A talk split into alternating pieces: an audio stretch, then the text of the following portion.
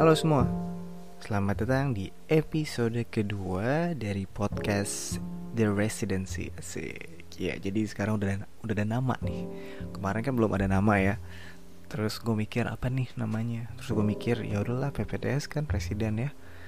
Terus ternyata belum ada tuh di Anchor FM Jadi gue pakai Anchor ya kan belum ada yang namanya The Residency jadi gue mikir ya udahlah gue pakai nama The Residency aja. Asik. Terus gue sekarang udah nggak record di ini lagi recording kayak uh, komputer. Sekarang gue udah di uh, uh, audio desktop workstation. Asik. oh bukan desktop audio workstation do nah itu ya. Nah oke. Okay. di episode kedua ini kayaknya kita harus lebih berkonsep. Dan gue mau berbicara suatu topik tentang kesehatan mental atau health uh, mental health issues ya. Kenapa? Karena gue ngerasa ini penting untuk gue bahas. Bahas santai aja, nggak terlalu yang scientific, nggak terlalu yang kayak kedokteran banget. Tapi ya gue merasa gue perlu share tentang hal ini gitu. Karena spoiler alert, gue juga punya gangguan hmm, Iya gangguan anxiety. Lebih ke arah general anxiety disorder. Jadi ya anxiety disorder tuh banyak jenisnya Nah, kenapa sih gue mau nge-share soal ini? Karena uh, anxiety disorder atau bahasa Indonesia-nya adalah gangguan cemas. Itu adalah gangguan uh, bukan itu adalah masalah atau uh, isu kesehatan mental yang paling banyak ada di tengah-tengah kita.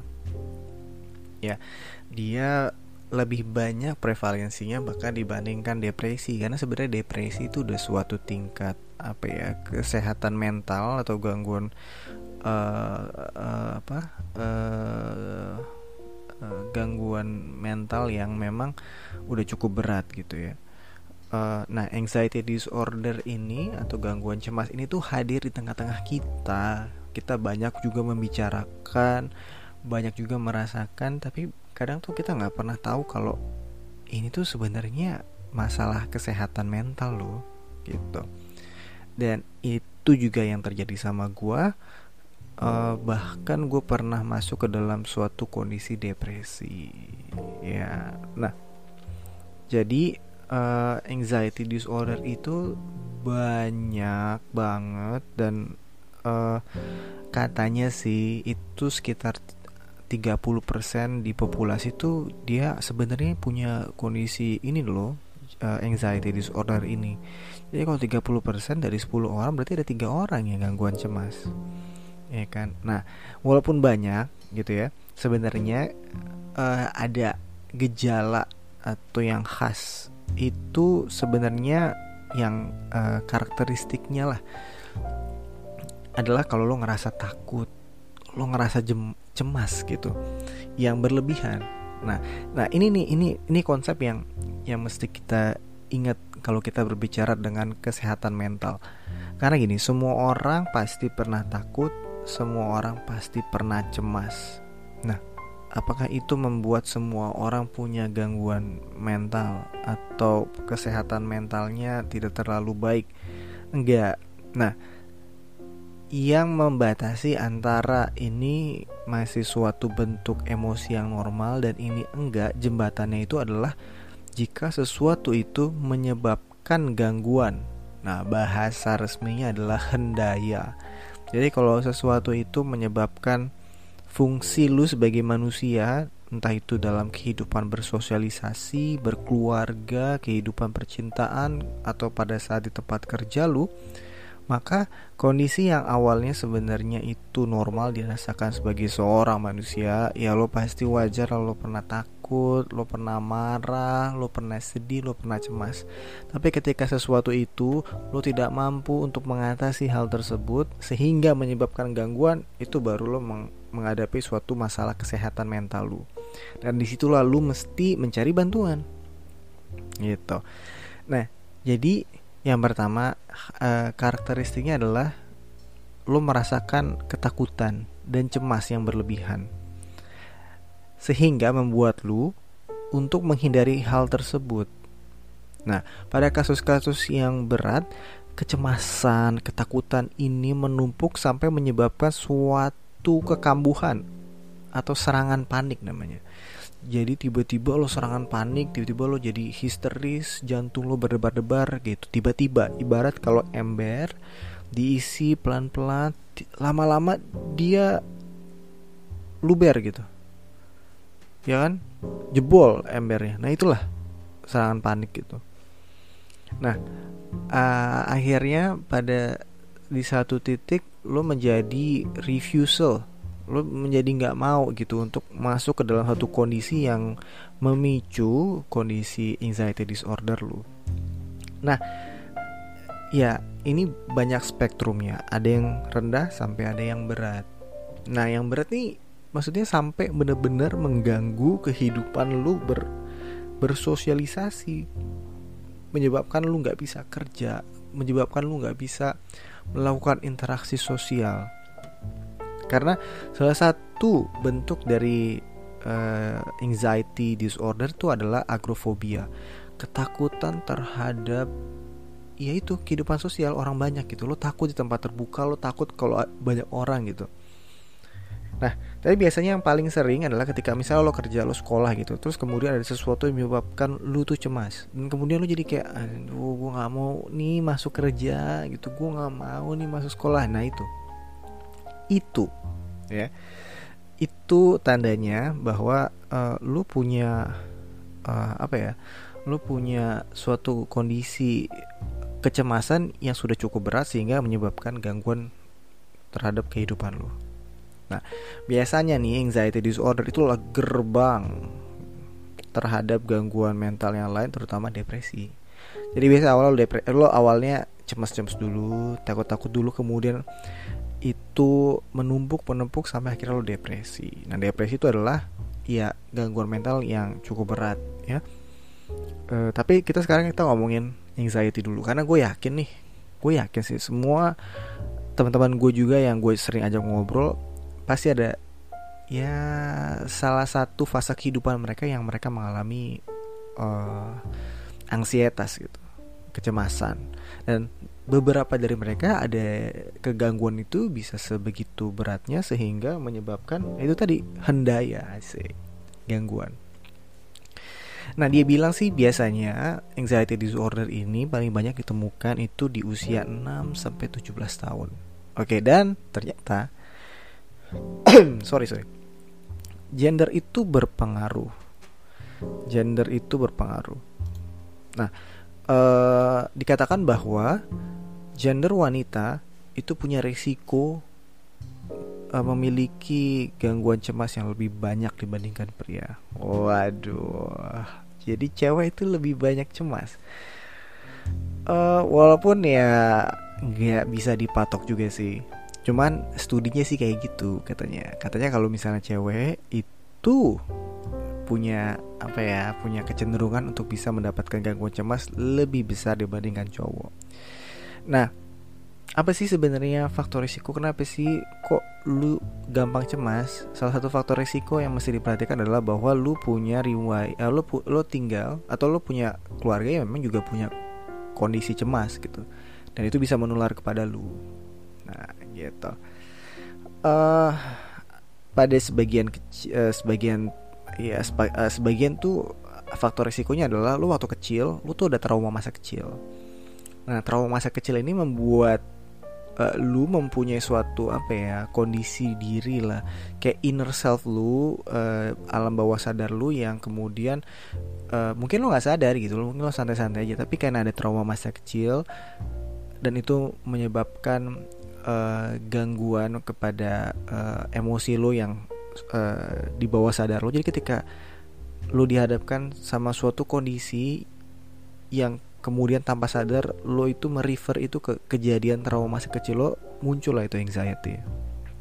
Nah uh, iya sih. Dan ini ada yang bilang bahwa ada hubungan nih ada hubungan antara merokok dan penggunaan uh, substance obat-obatan terhadap gangguan cemas.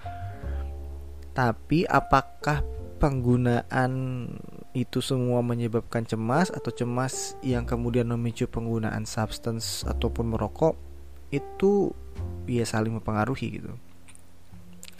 Kadang e, karena lu cemas, lo mencari jalan keluar dengan substance atau dengan merokok. Atau sebaliknya gitu karena uh, lu merokok kemudian atau lo nge substance akhirnya itu yang menyebabkan lu punya gangguan cemas. Jadi, tapi keduanya punya hubungan. Jadi biasanya orang-orang yang merokok orang-orang yang minum alkohol orang-orang yang ada substance abuse itu juga dikaitkan erat dengan gangguan cemas.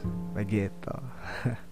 Nah uh, seperti yang gue bilang ini ini gue cuman ini doang ya sekedar kasih tahu secara general bahwa anxiety disorder itu banyak jenisnya kalau kita mau di apa kita mau gali lagi gitu.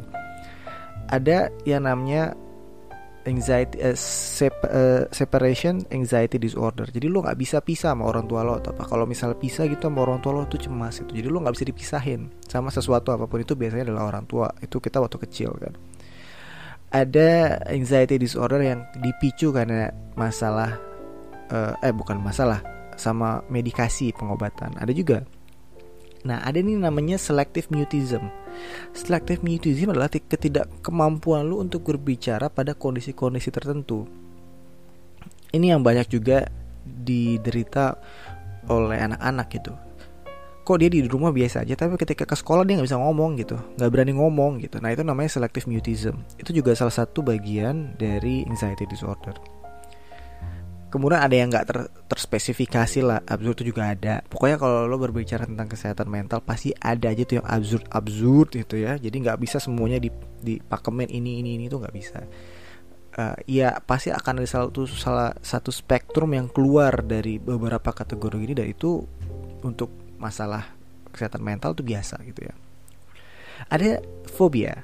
Nah, fobia ini masuk ke dalam anxiety disorder. Jadi spesifik fobia gitu. Maksudnya ada suatu ketakutan tertentu yang sifatnya spesifik, takut sempat tempat sempit, takut laba-laba segala macam. Spesifik fobias itu masuk ke anxiety disorder. Ada juga namanya social anxiety disorder. Nah, ini hmm, bukan introvert ya, tapi dia benar-benar kalau maksudnya berhubungan dengan sosial uh, itu dia dia cemas gitu dia dia takut gitu nah uh, ini sama juga kayak hampir sama lah tolong ya gue maksudnya gue nggak nggak ahli adalah hal tapi kayak agak sama kayak agorafobia agorafobia itu lo takut dengan dengan ini di tempat terbuka kalau banyak orang gitu kan Nah itu agorafobia. Jadi orang-orang yang sulit tampil di depan umum. Ada kecemasan misalnya ketika mereka harus tampil gitu, harus presentasi. Nah ini orang-orang yang punya ketakutan uh, ketakutan-ketakutan terhadap suatu interaksi sosial. Dan ada generalized anxiety disorder, ya uh, gangguan cemas uh, menyeluruh, generalized. Jadi kayak ini nih menurut gua general anxiety disorder ini adalah anxiety disorder gangguan cemas yang yang paling banyak menurut gua gua belum lihat studinya ya karena ya ini tuh suatu bentuk emosi yang wajar kita rasakan sehari-hari. Anxiety, general anxiety disorder tuh kayak ya ada ketakutan yang sifatnya general gitu. Maksudnya nggak ada spesifiknya. Kalau misalnya ada spesifiknya itu masuk ke fobia. Nah jadi kalau misalnya nah sekarang kita bahas kalau uh, misalnya uh, ag agorafobia itu kan itu dia takut banget tuh kalau lu masuk ke transportasi publik tempat terbuka ada keramaian gitu kan. Kalau social anxiety disorder itu adalah uh, pokoknya aduh lo lo mal lo lo males gitu berhubungan sosial dengan orang lain gitu. Lo lo lo punya ketakutan bahwa lo akan dijudge yang negatif dengan orang lain. Nah itu itu adalah social anxiety gitu. Bahwa lo punya ketakutan bahwa aduh aduh, aduh, aduh ini orang pasti bakal bicara negatif sama orang lain gitu. Uh, iya gitulah nah kalau general generalized anxiety disorder itu adalah lo tuh cemas lo tuh uh, apa ya mengkhawatirkan sesuatu yang sifatnya banyak gitu various domain banyak gitu nggak cuma satu. Tentang kerja lah tentang performa di sekolah yang ketakutan itu tuh tiba-tiba jadi susah dikontrol. Makanya ini masuk ke dalam disorder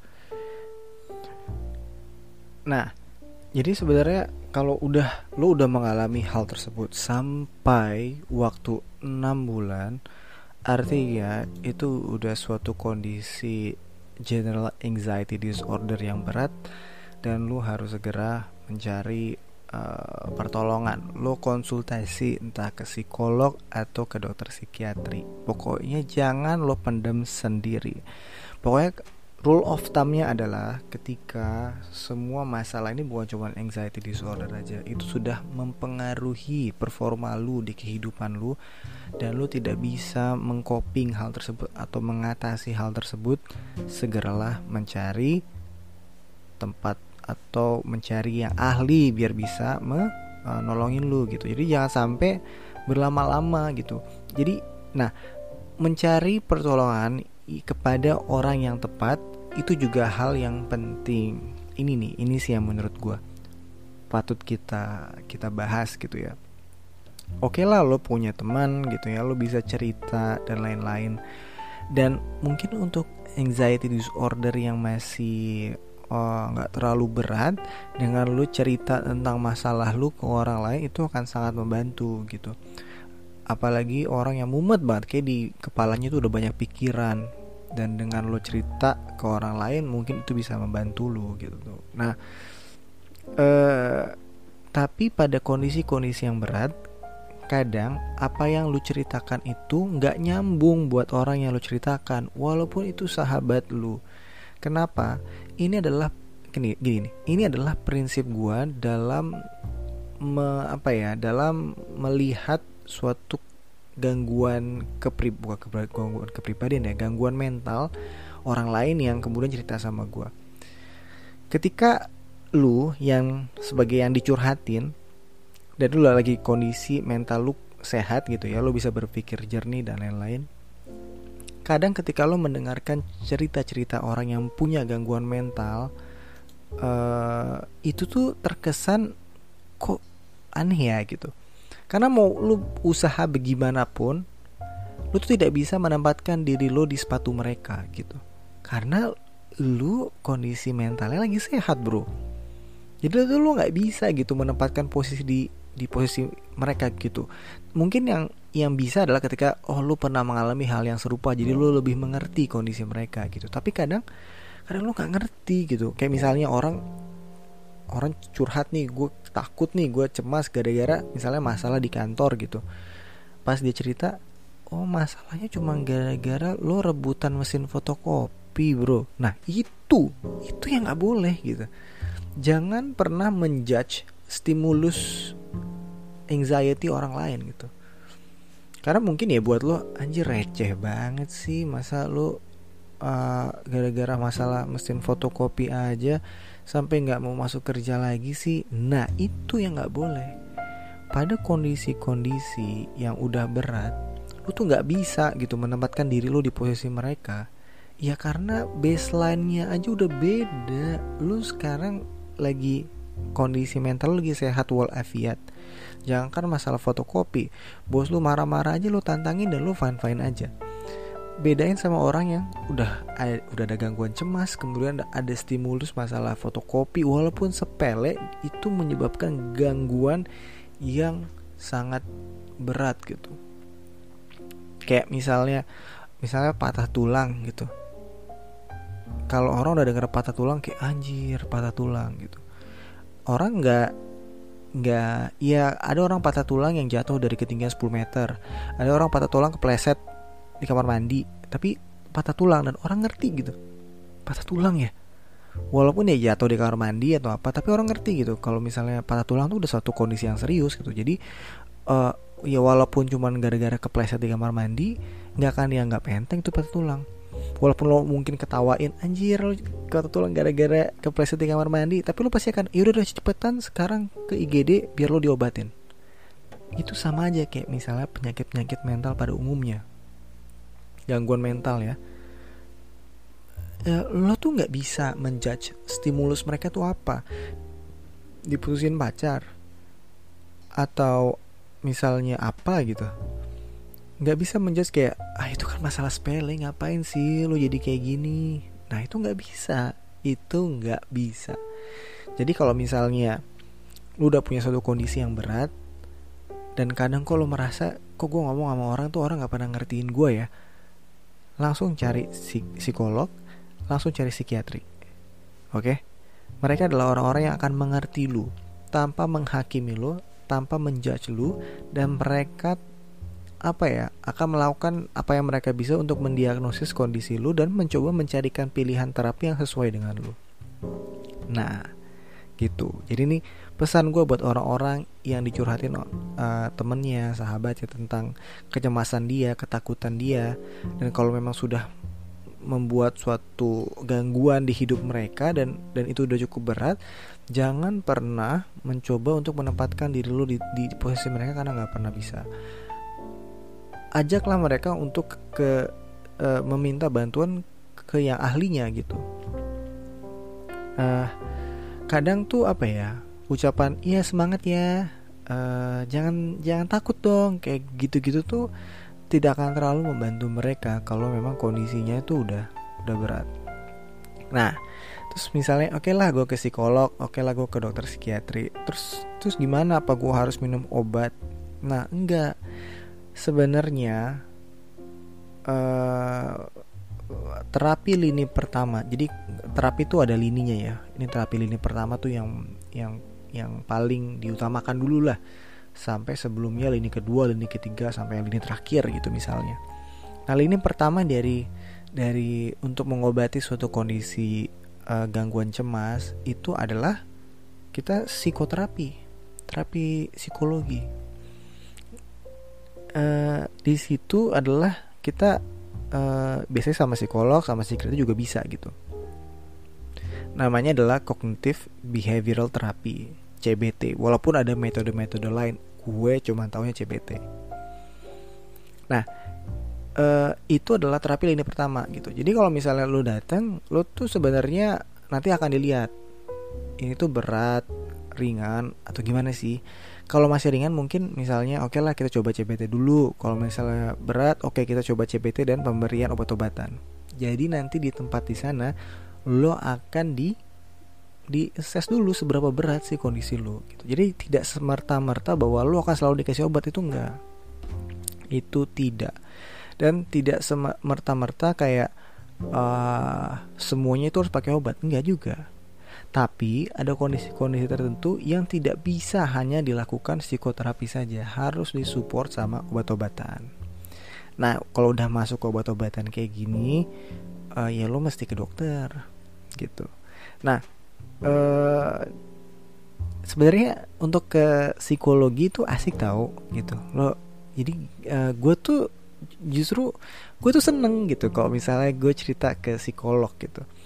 Teman gue psikolog sih. Karena menurut gue apa ya uh, mereka tuh tidak mereka tuh easy going dengan apa pun yang uh, lu lu ucapkan dan dan mereka tidak pernah menghakimi. Mereka hanya mengarahkan kita agar kita tuh bisa sampai ke suatu kesimpulan kita tuh kenapa gitu. Itu menurut gue keren banget sih. Nah gue nggak terlalu ahli ahli soal CBT ini. Jadi uh, intinya uh, apa apa ya bentuk kecemasan yang kita rasakan, ketakutan yang berlebihan itu adalah bentuk salah satunya adalah mispersepsi terhadap suatu suatu stimulus yang ada di lingkungan gitu. Nah, dengan CBT ini pengen digali stimulusnya apa dan kemudian setelah ketahuan permasalahannya apa, nah dilakukan apa ya modifikasi perilaku terhadap bagaimana ketika ada stimulus itu kita hadapinnya gimana. Nah itulah itu agak kompleks jadi uh, eh, CBT sih. Gua gua rasa eh, nggak uh, ada salahnya lo pergi ke psikolog. Itu udah bukan lagi hal yang tabu uh, menurut gua kalau lo merasa butuh bantuan segeralah cari psikolog terdekat. Jadi jangan pernah malu untuk untuk ke psikolog. Nah jadi itu sih. Uh, untuk obat-obatan obat-obatan ya adalah beberapa. Tapi uh, utamanya adalah antidepresan. Misalnya kalau lo tahu obat fluoxetine dan lain-lain untuk obat-obat yang sifatnya benzodiazepin. Benzodiazepin tuh yang kayak uh, apa apa ya namanya diazepam. Ya diazepam. Itu tuh bukan lini pertama gitu. Kalau yang berat-berat aja dikasih itu. Karena ada kalau kita makan benzodiazepine itu kita bisa uh, kalau tidak terlalu diperhatikan bisa abuse. Bisa malah nanti kita ketagihan gitu uh, bukan ketagihan ketergantungan kalau tidak digunakan dengan uh, tepat. Nah itu sih. Jadi gue pengen banget cerita hal ini karena general anxiety itu adalah makanan gue tiap hari gitu. Untungnya gue udah pernah melewati eh, masa-masa uh, terberat gue yang yang mulai dari general anxiety kemudian sampai social anxiety sampai ke depresi depresi berat sampai ada pikiran bunuh diri juga ada sampai akhirnya gue bisa melalui itu semua. Dan ya itu itu waktu gue zaman zaman SMP SMA berarti kan bener kan? Di 17 tahun yang gue masih anak muda banget. Berarti sekarang udah tua ya. Jadi uh, ya itu menurut gue lu mesti paham dengan diri lo sendiri. Lo paham dengan fisik lo dan lo lebih paham dengan psikis lo kalau gue nih gue udah tahu nih kapan gue udah mulai cemas? Kapan gue udah mulai depresi ringan? Menurut gue yang paling gampang adalah kalau gue udah mulai susah tidur. Nah kadang nah ini nih misalnya gini lo susah tidur nih. Wah gue insomnia nih insomnia. Nah lo mesti gali lagi sebenarnya apa sih yang terjadi? Kayak misalnya gue apa sih sebenarnya bikin gue susah tidur? Gue tuh kayak udah tiduran tapi gue kayak cari kerjaan lain kayak buka YouTube main handphone kok kayaknya males aja gitu untuk nutup mata Ternyata kalau digali lagi, gue tuh bukannya males buat tidur, tapi ada sesuatu di ke, di tempat kerja gue, di tempat PPDS gue yang menyebabkan gue cemas sehingga gue takut kalau gue menutup mata dan tidur, ya jadi jadi cepet aja gitu besok gitu.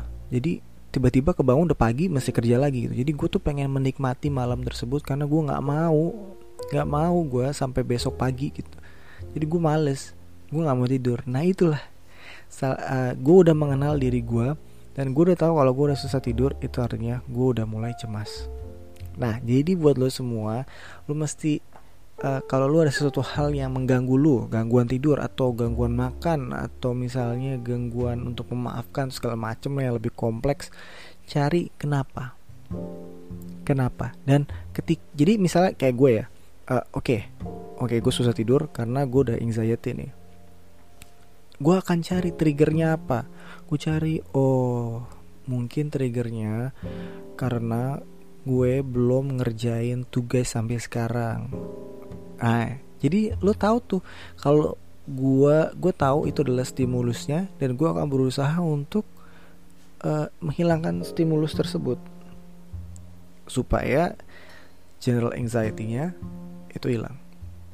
Nah, hal penting lagi apa sih pentingnya ketika lo mengetahui lo depresi, lo anxiety disorder adalah kadang eh, kondisi-kondisi itu membuat pikiran lo nggak jernih dan lo bisa mengambil keputusan yang salah. Jadi ketika gue masuk ke dalam kondisi mental disorder tersebut, gue tidak akan mengambil keputusan apa pun. Karena sering banget nih gue anxiety disorder aduh gue udah nggak aduh gue kayak nggak cocok di sini aduh gue udah lah keluar aja. Nah itu nggak boleh. Itu nggak boleh karena salah satu uh, karakteristik orang yang cemas menghindar itu adalah ya udah lu menghindar gitu padahal mungkin itu tantangan gitu. Itu adalah tantangan yang bisa lo hadapin. Tapi karena lu ada anxiety lu ngerasa ini nggak nggak mungkin.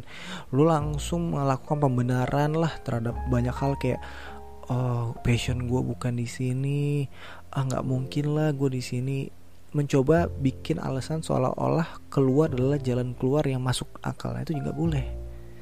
Jadi ketika lo lagi cemas ketika kondisi mental lo lagi nggak bagus hindarilah berbuat apa membuat satu keputusan yang penting dalam hidup lo karena bisa jadi itu salah gitu itu tidak dipikirkan secara matang Nah jadi itu salah satu manfaat yang menurut gue besar banget ketika lo bisa mengetahui karakteristik mental apa kesehatan mental lo. Itu bisa membantu lo dalam menghadapi tantangan-tantangan hidup gitu dan mengambil keputusan-keputusan yang tepat, terutama mencegah keputusan-keputusan yang berbahaya. Nah uh, ya kalau mau cerita apa sih pengalaman-pengalaman gue waktu gue dulu depresi, gangguan cemas itu panjang sih. Tapi mungkin untuk episode kali ini ya itu aja. Gue pengen nge-share ke lo semua bahwa uh, pahamilah diri lo, kenalilah diri lo sampai sedetail-detailnya karena kadang kecemasan itu kayak semacam apa ya awan mendung di otak lu yang bikin lo mumet gitu. Padahal kalau kita untai satu-satu lo akan ketemu masalahnya. Dan ketika lo sulit untuk menguntai hal tersebut dan lo udah rasanya nyerah jangan sendirian. Carilah pertolongan ke dokter, ke psikolog. Mereka akan bantu mereka baik-baik banget. Kadang ada yang cantik-cantik eh kok jadi cantik sih? Ya kadang ada yang ganteng-ganteng kalau misalnya mau cari jodoh Iya kan? Iya Gue punya teman. Teman gue nih sahabat gue Dari gue Udah lama banget dari gue kuliah. Ini kocak sih awalnya Gue dulu sebenarnya deketin dia Tapi kok asiknya malah jadi temen ya? Dia dia anak psikolog. Itu kalau curhat sama dia uh, Itu asik sih menurut gue uh, Emang uh, bukan bangke juga sih Tapi kayak setiap kali gue curhat ke dia tuh uh, Dia ada metodenya sendiri men Menghadapi gue bahkan dia pernah wawancara gue buat tugas kuliah dia. Tapi yang ada tuh gue jadi ngerocos sendiri tapi dia mengarahkan supaya udah ngerocos akhirnya gue jadi kayak oh iya ternyata gue begini orangnya gitu. Nah pokoknya seru deh. Pokoknya seru ngomong sama, sama psikolog. Pokoknya lo harus cobain. Mungkin lo gak lagi ada kondisi mental Tapi lo iseng aja gitu. Lo pengen mengenal diri lo Ya udah lo ke psikolog. Menurut gue itu gak ada salahnya Nah sekarang kan lagi puasa Jadi gue mengucapkan selamat berpuasa Menunaikan ibadah puasa. Semoga amal ibadah kita diterima oleh Allah Subhanahu Wa Taala. Uh, gue juga sekarang bentar lagi nih mau jaga di bangsal covid Kiara uh, Dan minggu ini minggu terakhir. Semoga ya aman-aman aja. Uh, Gue gak kena infeksi covid ya amin. Uh, Minggu depan itu gue mulai pindah ke poli Nah, gue tuh tahap satu PPDS, IPD. Gue nggak pernah masuk poli, men. Jadi gue tuh pas tahu gue masuk poli ginjal hipertensi pula gitu ya masalah-masalah ginjal sindrom nefrotik lah nefritis lupus ya kan gue belum ngerti jadi gue kayak agak cemas gitu pas tahu kabarnya nah pas gue cemas gue kayak mikir oh iya ya kayaknya enak nih kalau gue bikin topik anxiety disorder buat podcast episode kedua Nah, oke okay deh, itu aja buat podcast residensi episode kedua. Gua harap lo semua enjoy dan bisa mengambil uh, hikmah dan manfaat dari podcast ini. Oke, okay. uh, kalau gua ada salah-salah kata, gue minta maaf. The residency is out.